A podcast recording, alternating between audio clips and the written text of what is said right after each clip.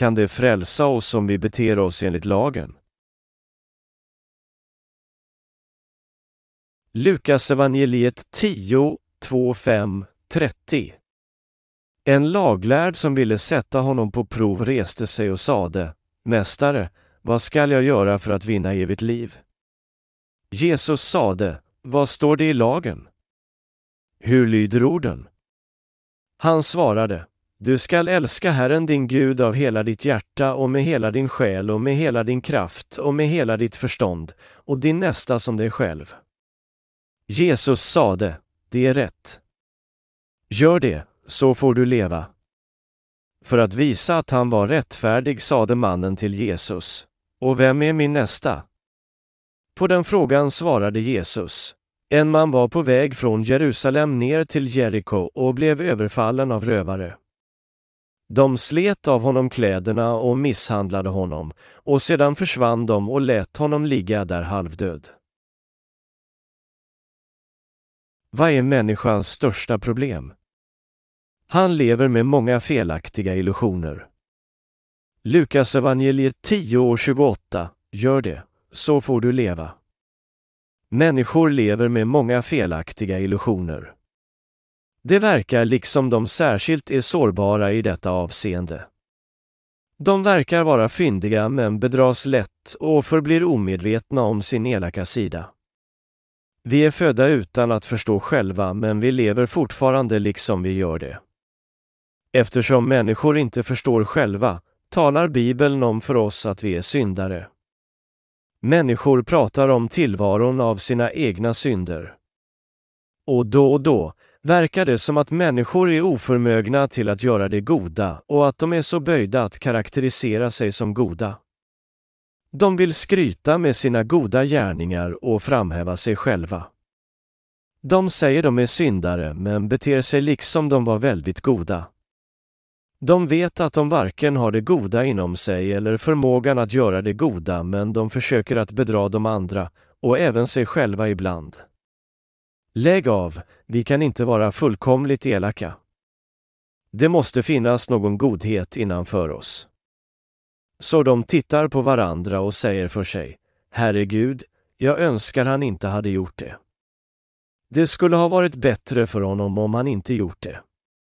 Han skulle ha varit i mycket bättre omständigheter för sig om han talade så här. Jag tycker att det är bättre att predika evangeliet på sådana sätt. Han frälstes före mig, så jag tycker att han borde bete sig mer liknande någon som har frälsts. Jag frälstes alldeles nyss, men om jag lär mig mer, då ska jag göra mycket bättre än han gör.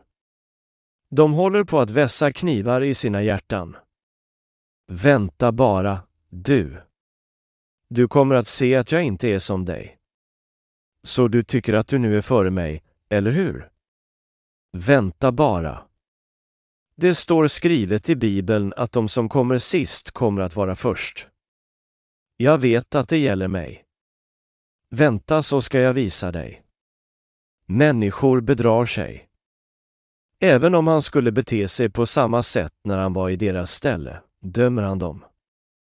När han står på predikstolen får han plötsligt se sig stamma hjälplöst och han blir medveten om sin skrud.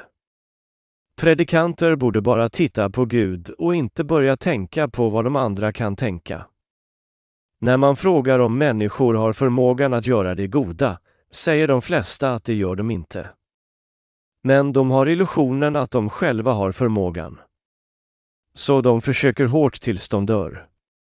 De tycker att de har godhet i sina hjärtan, så att de har förmågan att göra det goda. De tycker också att de själva är tillräckligt goda.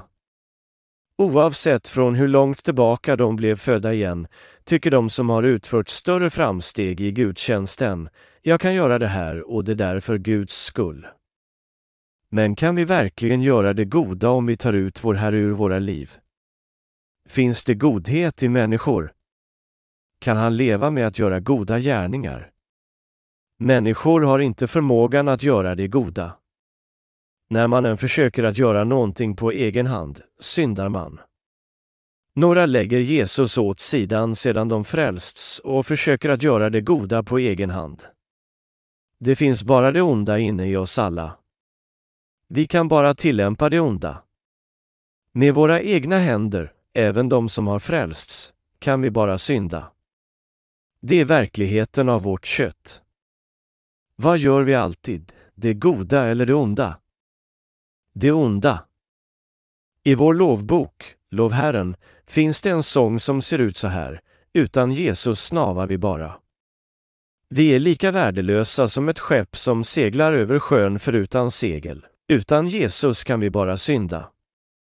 Vi är de rättfärdiga eftersom vi har frälsts. I verkligheten är vi de onda. Aposteln Paulus sa, det goda som jag vill, det gör jag inte, men det onda som jag inte vill, det gör jag. Om en människa är med Jesus, gör det ingenting. Men när han inget har att göra med honom, försöker han göra det goda inför Gud. Men ju mer han försöker, desto mer ser han sig tillämpa det onda. Även kungen David hade samma natur. När hans land var fredligt och blomstrande var han skyltfönstret. Han såg en lockande bild och lät lura sig till sensuellt nöje. Hur såg han ut när han hade glömt Herren? Han var verkligt ond. Han dödade Uria och tog hans fru, men han kunde inte se det onda i sig. Han bad om ursäkter för sina dåd. Sedan en dag kom profeten Natan till honom och sade, och Herren sände Natan till David. När han kom in till honom sade han till honom, två män bodde i samma stad. Den ene var rik och den andra fattig. Den rike hade får och fäkreatur i stor mängd. Men den fattige hade inte mer än ett enda litet lamm som han hade köpt. Han födde upp det, och det växte upp hos honom och hans söner, tillsammans med dem, de åt av hans brödstycke och drack ur hans bägare och låg i hans famn och var för honom som en dotter. Så kom en vägfarande till den rike mannen. Då nämndes han inte ta av sina får och fäkreatur för att tillaga åt den resande som hade kommit till honom, utan han tog den fattige mannens lamm och tillagade det åt mannen som hade kommit till honom. David sade, dödens barn är den man som har gjort detta. Hans vrede var våldsamt uppväckt, så han sade, han har så många av sina egna, han kunde säkert ta en från dem. Men han tog den fattige mannens enda lamm för att bereda mat åt sina gäster. Han borde dö. Och Natan talade honom, du är den mannen. Om vi inte följer efter Jesus och är med honom kan även den omfödda vara så här. Det är detsamma för alla människor, även för de troende. Vi snavar alltid och tillämpar det onda utan Jesus. Så vi är tacksamma än idag att Jesus frälste oss, oavsett det onda innanför oss. Jag vill vila i skuggan av korset. Våra hjärtan vilar i skuggan av korsets frälsning. Men om vi lämnar skuggan och tittar på oss, kan vi aldrig vila. Gud gav oss rättfärdigheten av tron inför lagen. Vilken är tidigare, tron eller lagen? Tron. Aposteln Paulus sade att Gud gav oss rättfärdigheten av tron först. Rättfärdigheten av tron kom först. Han gav den till Adam och Eva, till Kain och Abel, sedan till Set och Enok, ner till Noa, sedan till Abraham, sedan ner till Isak, till Jakob och hans tolv söner. Även utan lagen blev de rättfärdiga inför Gud genom sin tro på hans ord. Och tiden gick förbi och Jakobs ättlingar levde i Egypten som slavar i 400 år på grund av Josef. Sedan ledde Gud dem ut genom Mose in i landet av Kana. Men under de 400 årens slaveri hade de glömt rättfärdigheten av tron. Så Gud lät de andra över Röda havet genom hans under och ledde dem in i vildmarken. När de nådde vildmarken av synd gav han dem lagen på Sinaiberget. Han gav dem tio Guds bud som innehåller 613 detaljerade artiklar av lagen. Jag är Herren er Gud, Abrahams Gud, Isaks Gud, Jakobs Gud. Låt Mose komma upp på berget Sinai, så jag skall ge lagen. Gud gav Israel lagen. Han gav dem lagen så att de skulle få insikt om synd, Romarbrevet 3.20. Det var för att låta dem inse vad han gillade och vad han ogillade och för att uppenbara hans rättfärdighet och helighet.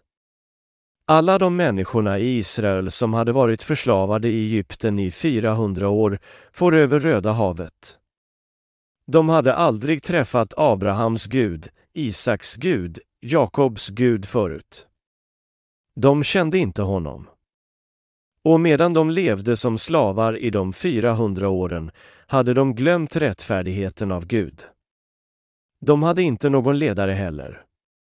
Jakob och Josef var deras ledare, men de hade dött. Det verkade som att Josef misslyckades att överlämna tron till sina söner, Manas och Epiraim. Så de behövde hitta sin Gud på nytt och träffa honom eftersom de hade glömt rättfärdigheten av Gud. Således Gud gav dem rättfärdigheten av tro först och sedan gav han dem lagen efter att de hade glömt tron. Han gav dem lagen för att hämta dem tillbaka till honom. För att rädda Israel, för att göra dem till hans folk, Abrahams folk, sade han dem att omskära sig. Hans avsikt med att kalla dem var för det första att låta dem veta att det finns en Gud genom att etablera lagen och för det andra att låta dem veta att de var syndare inför honom. Han ville att de skulle komma inför honom och bli hans folk genom att frälsas med frälsningsoffer som Gud hade givit dem. Och han gjorde dem till hans folk. Människorna i Israel frälstes genom lagen, offersystemet, genom att tro på Messias som skulle komma. Men offersystemet hade också tunnat bort med tiden. Låt oss se när det fanns. I Lukas evangeliet 10 och 25, en laglärd som ville sätta honom på prov reste sig. Den laglärden var faris. Fariserna var konservativa människor som försökte leva enligt hans ord. De var människorna som först försökte försvara landet och sedan leva efter hans lag. Och sedan var det fanatikerna som var väldigt våldsamma och tenderade att anlita till demonstrationer för att utföra sina visioner. Vem ville Jesus träffa? Syndare utan en herde. Det finns sådana människor även idag. De leder samhällsrörelser med slogans liksom ”Rädda de förtryckta människorna i landet”. De tror att Jesus kom för att rädda de fattiga och de förtryckta. Så, de lär sig teologi i teologiska seminarier, deltar i politik och försöker att förlossa de berövade i alla samhällsområden. Det finns de som påstår, lås oss alla leva efter den heliga och barmhärtiga lagen, leva beroende av lagen, efter hans ord. Men de inser inte den faktiska meningen av lagen. De försöker leva efter varje bokstav i lagen, men de inser inte den gudomliga uppenbarelsen av lagen.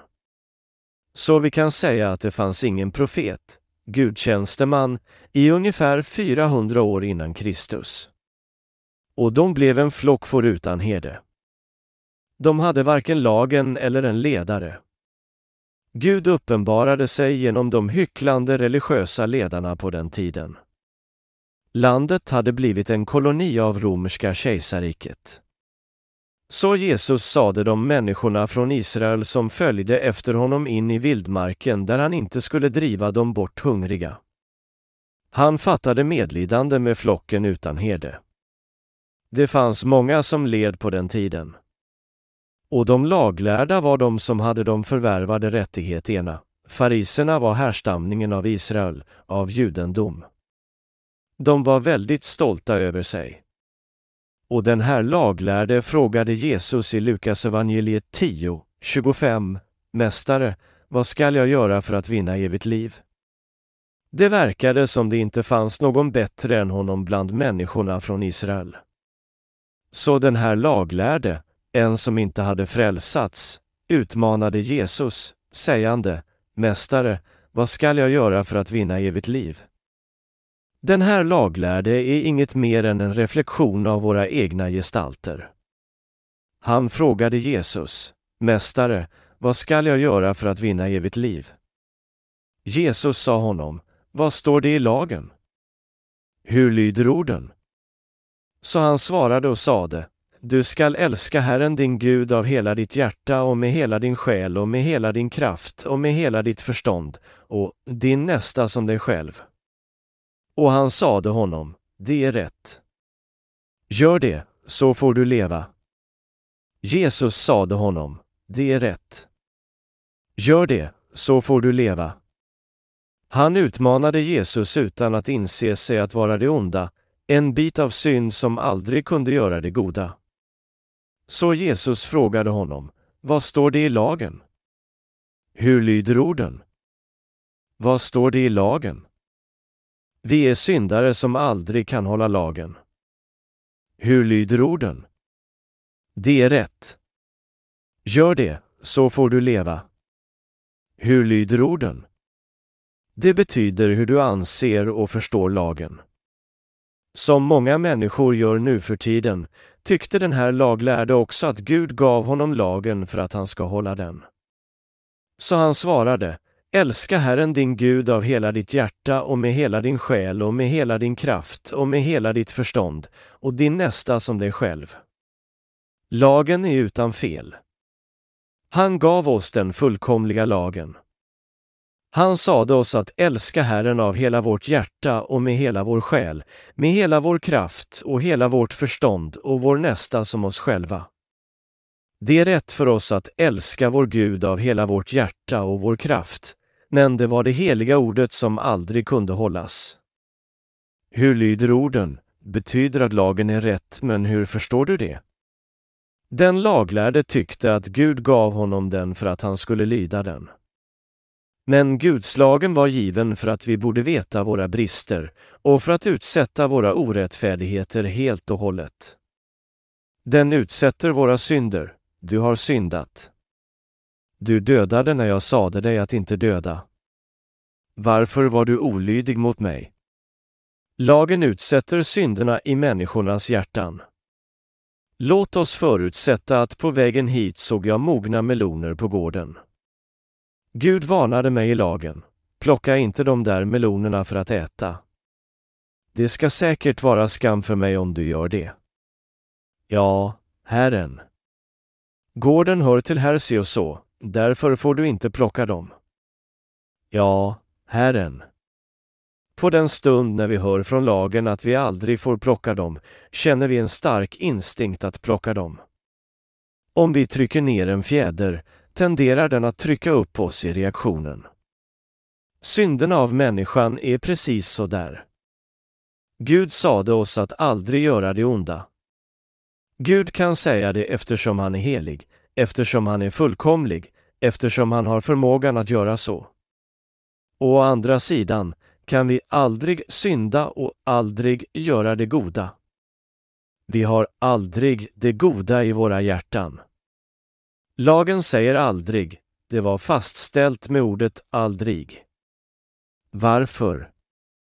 Eftersom människor har begär i sina hjärtan.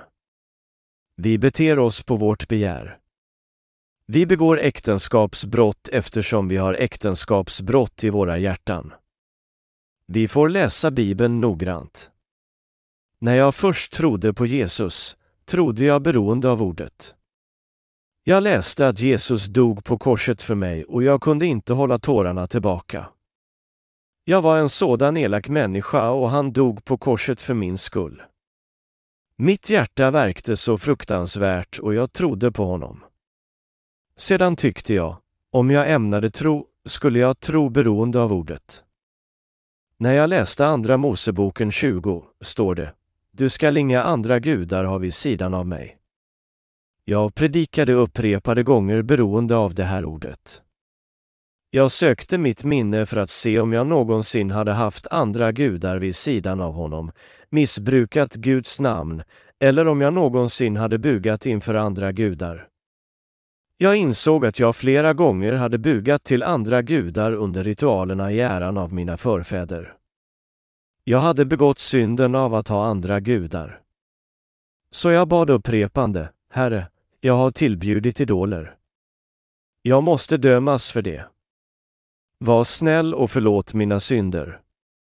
Jag ska aldrig göra det igen. Därmed behandlades en synd. Sedan försökte jag tänka på om jag någonsin hade missbrukat Guds namn. Då kom jag på att jag rökte när jag först började tro på Gud. Min vänner sade mig, har du inte med dig skam till Gud genom att röka? Hur kan en kristen röka? Det var att missbruka Guds namn, eller hur? Så jag bad igen, Herre, jag missbrukade ert namn. Var snäll och förlåt mig. Jag ska sluta att röka. Så jag försökte att sluta röka men försatte göra det i ett år. Det var påtagligt svårt, nästan omöjligt att sluta röka. Men slutligen lyckades jag med att sluta röka fullkomligt. Jag kände att en annan synd hade blivit behandlad. Det nästa är, tänk på sabbatsdagen, så att du helgar den. Det betyder att inte göra någonting annat på söndagen, varken att göra affär eller att tjäna pengar. Så jag slutade med det också. Sedan fanns det, hedra din fader och din moder. Jag hedrade dem när jag var borta, men de var källan till min hjärtsmärta när jag var nära. Åh min Herre, jag har syndat inför Gud. Var snäll och förlåt mig, min Herre. Jag bad upprepande böner. Men jag kunde inte hedra mina föräldrar längre eftersom de båda redan var döda då. Vad kunde jag göra? Herre, var snäll och förlåt den här värdelösa syndaren. Ni dog på korset för min skull. Hur tacksam jag var. På det sättet tyckte jag att mina synder behandlats en efter en. Det fanns andra lagar, att inte döda, att inte begå äktenskapsbrott, att inte eftertrakta. Jag insåg att jag inte ens hade hållit en endaste. Jag bad hela natten. Men som du vet är att be upprepade gånger inte riktigt behagligt. Låt oss prata om det. När jag tänkte på Jesu korsfästelse kunde jag sympatisera med hur plågsamt det var. Och han dog istället för oss som inte kunde leva efter hans ord. Jag grät hela natten medan jag tänkte på hur mycket jag älskade honom och tackade honom för att ha givit mig ett riktigt nöje.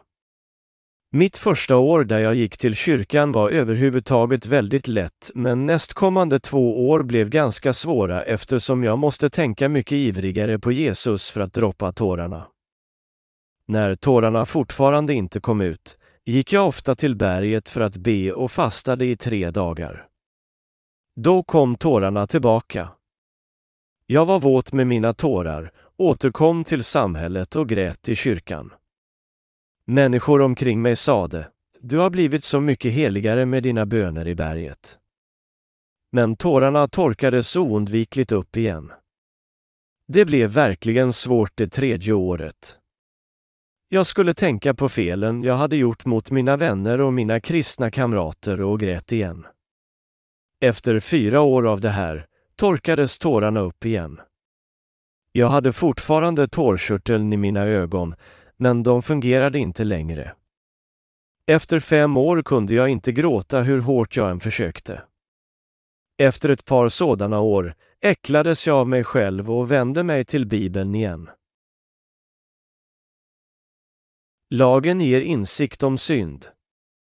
Vad måste jag inse om lagen? Vi kan aldrig hålla lagen. I Romarbrevet 3.20 läser vi Lagen kan bara ge insikt om synd.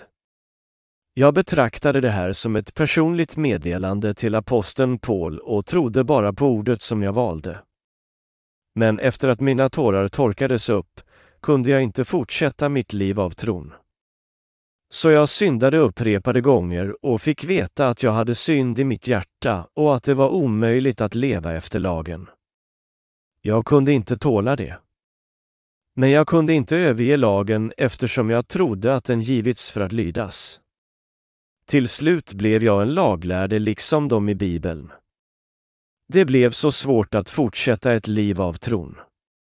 Så, för att slippa från vedermödan, ställde jag till ett väldigt onödigt bråk för att leta efter en predikant som predikade om att bli född igen av vatten och ande. Och jag mötte en predikant som predikade att alla våra synder har frälsts. Varje gång när jag hörde att jag var fri från synd var det liksom en frisk bris blåsande genom mitt hjärta. Jag hade så mycket synd och medan jag läste lagen började jag att inse de synderna. Jag hade brutit alla de tio buden i mitt hjärta. Att synda i hjärtat är också synd och jag hade oavsiktligt blivit en troende på lagen. När jag höll lagen var jag lycklig. Men när jag inte kunde hålla lagen var jag förtvivlad, förargad och ledsen. Slutligen blev jag sliten över allt detta. Om jag bara lärde mig från början, nej, nej. Det finns en annan mening i lagen. Det visar dig att du är en massa av synd. Du har begär för pengar, för motsatt sex, för saker och ting som är vackert att titta på.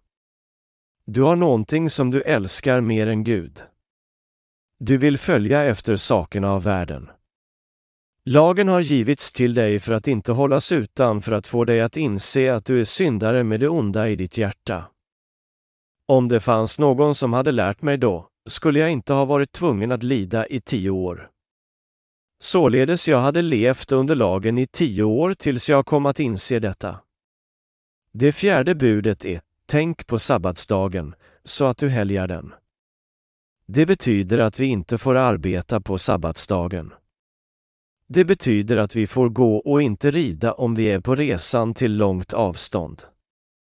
Och jag tyckte att jag borde gå till den plats där jag skulle predika för att bli ärofull. I alla fall skulle jag predika lagen. Så jag tyckte att jag måste öva vad jag predikade. Det var så svårt att jag var nära att ge upp. Som det står här, hur lyder orden? Förstod jag inte den här frågan och led i tio år. Den laglärde missförstod det också. Han tyckte att om han var lydig mot lagen och levde försiktigt skulle han välsignas inför Gud. Men Jesus sade honom, hur lyder orden?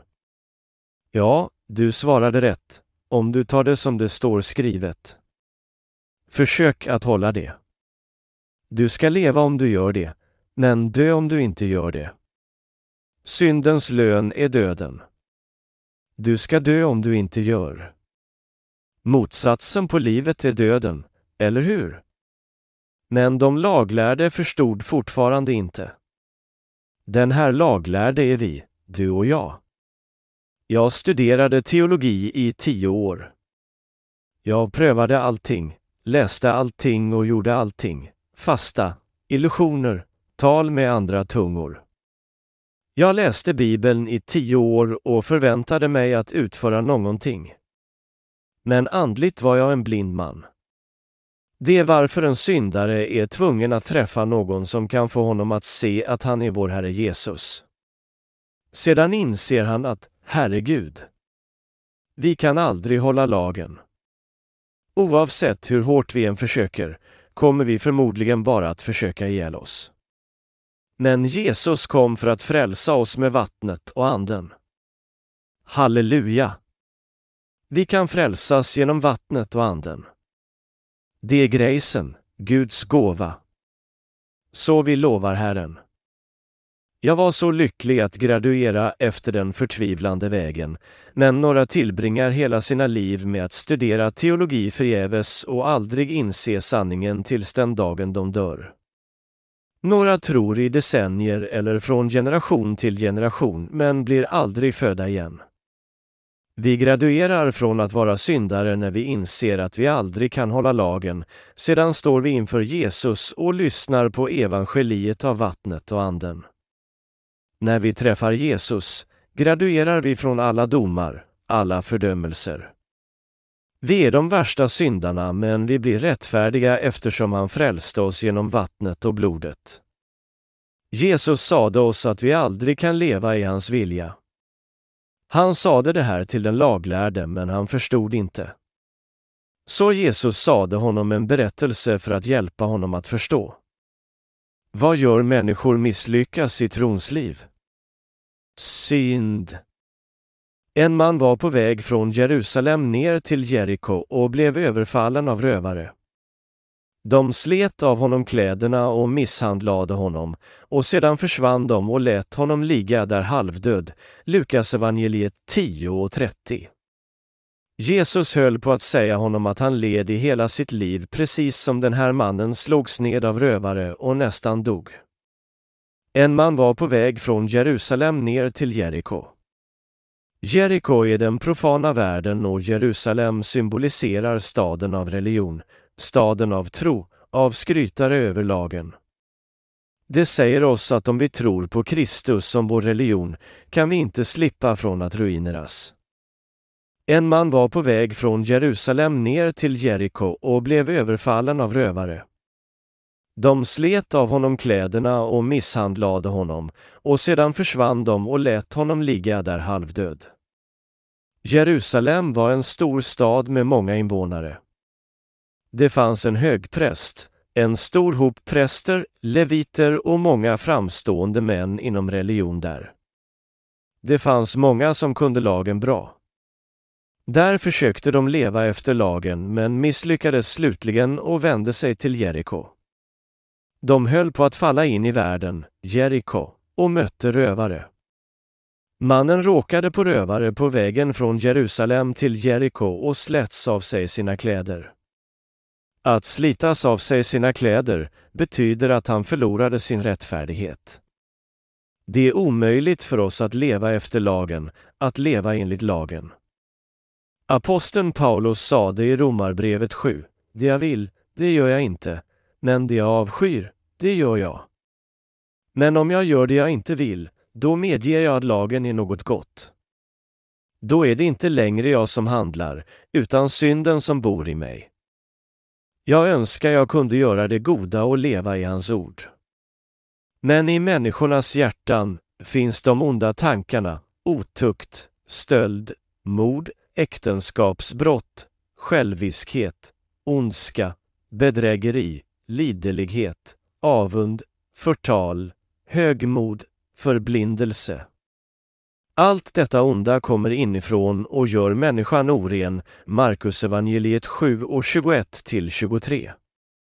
Eftersom de ligger i våra hjärtan och kommer ut gång på gång gör vi vad vi inte ska göra och vi gör inte vad vi ska göra. Vi håller på att repetera det onda i våra hjärtan. Vad djävulen får göra är att ge oss en liten impuls att synda. Synderna i människornas hjärtan. Kan vi leva efter lagen? Nej. Det sägs i Markus evangeliet 7, inget av det som kommer in i människan utifrån kan göra henne oren. Bara det som kommer ut ur människan kan göra henne oren. Han säger till oss att de onda tankarna, otukt, stöld, mord, äktenskapsbrott, själviskhet, ondska, bedrägeri, liderlighet, avund, förtal, högmod, förblindelse finns inne i människornas hjärtan. Vi alla har mord i våra hjärtan. Det finns ingen som inte mördar. Mödrar skriker åt sina barn, nej. Gör inte det. Jag sa ju dig att inte göra det, du. Jag sa att inte göra det. Och sedan, kom hit, du. Jag sa dig flera gånger att inte göra det. Du skall dö för det. Det är mord. Du kanske dödar dina barn med dina tanklösa ord. Våra barn måste vara levande, därför springer de bort från oss så hastigt. Men om vi överlåter all vår vrede på dem kommer de att dö. Vi har då dödat dem inför Gud. Ibland skrämmer vi oss själva. Herregud! Varför gjorde jag det här? Vi tittar på blånaderna efter att vi har slagit våra barn och tycker att vi måste ha varit vansinniga för att göra det. Vi agerar på så sätt eftersom vi har mod i våra hjärtan. Så, jag gör vad jag inte ska göra, betyder att vi gör det onda eftersom vi är onda. Och det är så lätt för Satan att locka oss till att synda. Låt oss säga att en man som inte har frälsts sitter i en hydda i tio år, ser på väggen och mediterar liksom Sung Chul, den står koreanske munken. Det är fint medan han sitter med sitt ansikte mot väggen, men någon måste bära mat och ta bort smutsen. Sedan måste han ha kontakt med någon. Det skulle inte vara något problem om det var en man, men låt oss förutsätta att det var en vacker kvinna. Om han råkar se på henne helt oväntat skulle hans sittning ha varit utan resultat. Han tycker, jag får inte begå äktenskapsbrott, jag har det i mitt hjärta, men jag borde utsända det. Jag borde skaka av det. Nej. Försvinn från min själ. Men hans beslut försvinner från den stunden då han ser henne. Efter kvinnan gått tittar han in i sitt hjärta. Fem års hårda arbete, allt för inget. Det är så enkelt för Satan att ta bort en mans rättfärdighet. Allt Satan behöver göra är att ge honom en liten knuff. När man kämpar utan att frälsas håller han på att falla in i synd. Han betalar en tionde trovärdighet varje söndag, fastar i 40 dagar, ber 100 dagars gryningsböner, men Satan lockar honom med de goda sakerna i livet. Jag skulle vilja ge dig en viktig ställning på arbetet, men du är kristen och du kan inte jobba på söndagar, eller hur? Det är en ganska hög ställning. Kanske du kunde jobba på tre söndagar och gå i kyrkan bara en gång i månaden. Då skulle du njuta av en sådan hög prestige och få ganska bra betalt. Vad tycker du? På det här sättet kommer förmodligen 100 av 100 att köpas. Om det här inte fungerar finns det de som har svaghet för kvinnor. Satan ställer en kvinna framför honom och han blir upp över öronen kär och glömmer Gud med detsamma. Det är hur rättfärdigheten av människor slits av. Om vi försöker leva efter lagen kommer allt som vi slutligen har att vara sår av synd, smärta och fattigdom. Vi förlorar all rättfärdighet. Var på väg från Jerusalem ner till Jeriko och blev överfallen av rövare. De slet av honom kläderna och misshandlade honom och sedan försvann de och lät honom ligga där halvdöd. Det här betyder att även om vi försöker stanna i Jerusalem genom att leva enligt viljan av helig Gud, kommer vi att snava dag efter dag på grund av vår svaghet och vi kommer att bli ruinerade. Och sedan kommer vi att be upprepade gånger inför Gud. Herre, jag har syndat. Var snäll och förlåt mig, jag ska aldrig göra det igen. Jag lovar er att det här verkligen ska vara det sista. Jag ber och bönfaller er om att förlåta mig bara för den här gången. Men det slutar aldrig. Man kan inte leva i vida världen utan att synda. Han kanske kan slippa det ett par gånger, men det skulle vara omöjligt att inte synda igen. Så han begår synd igen. Herre, var snäll och förlåt mig. Om det här fortsätter kommer han att drivas bort från kyrkan, religionen. Han drivs bort från Gud på grund av sina synder och han ska sluta i helvetet. Att vara på väg till Jeriko betyder att falla in i den profana världen, att bli närmare till världen och längre bort från Jerusalem. I början är Jerusalem fortfarande närmare. Men medan cykeln av att synda och att ångra upprepas ser vi oss stå på gatorna i Jeriko, djupt fallna in i världen. Vem kan förlossas? De som ger upp att försöka på sina egna sätt. Vem mötte mannen på vägen till Jeriko? Han mötte rövare. En som inte ens lever efter lagen blir en oansenlig hund. Han dricker och lägger sig någonstans, kissar överallt.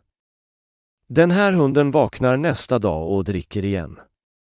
En oansenlig hund skulle äta sin egen skit. Det är därför han är hund. Han vet att han inte får dricka. Han ångrar sig nästa morgon men dricker på nytt. Det är liksom mannen som mötte rövare på vägen till Jeriko. Han har lämnats kvar sårad och nästan död. Det finns bara synd i hans hjärta. Det är vad människan är. Människor tror på Jesus och lever efter lagen i Jerusalem men har lämnats kvar med bara synd i sina hjärtan. Allt de kan visa upp för sina religiösa liv är såren av synd. De med synd i sina hjärtan kastas in i helvetet. De vet det, men de vet inte vad de ska göra. Har du och jag inte varit där också? Jo. Vi var detsamma. Den laglärde som missförstod Guds lag skulle kämpa i hela sitt liv men sluta i helvetet, sårad. Han är vi, du och jag. Bara Jesus kan förlossa oss. Det finns så många smarta människor omkring oss och de visar utan slut vad de vet. De alla låtsas leva efter Guds lagen. De kan inte vara uppriktiga mot sig själva. De kan inte kalla var sak vid dess rätta namn, men är alltid böjda att sköta sina yttre sidor för att se trovärdiga ut. Bland dem finns syndare som är på väg till Jeriko, de som slås ned av rövare och de som redan är döda. Vi borde veta hur sköra vi är inför Gud. Vi borde medge inför honom, Herre, jag kommer att hamna i helvetet om ni inte förlossar mig. Var snäll och förlossa mig.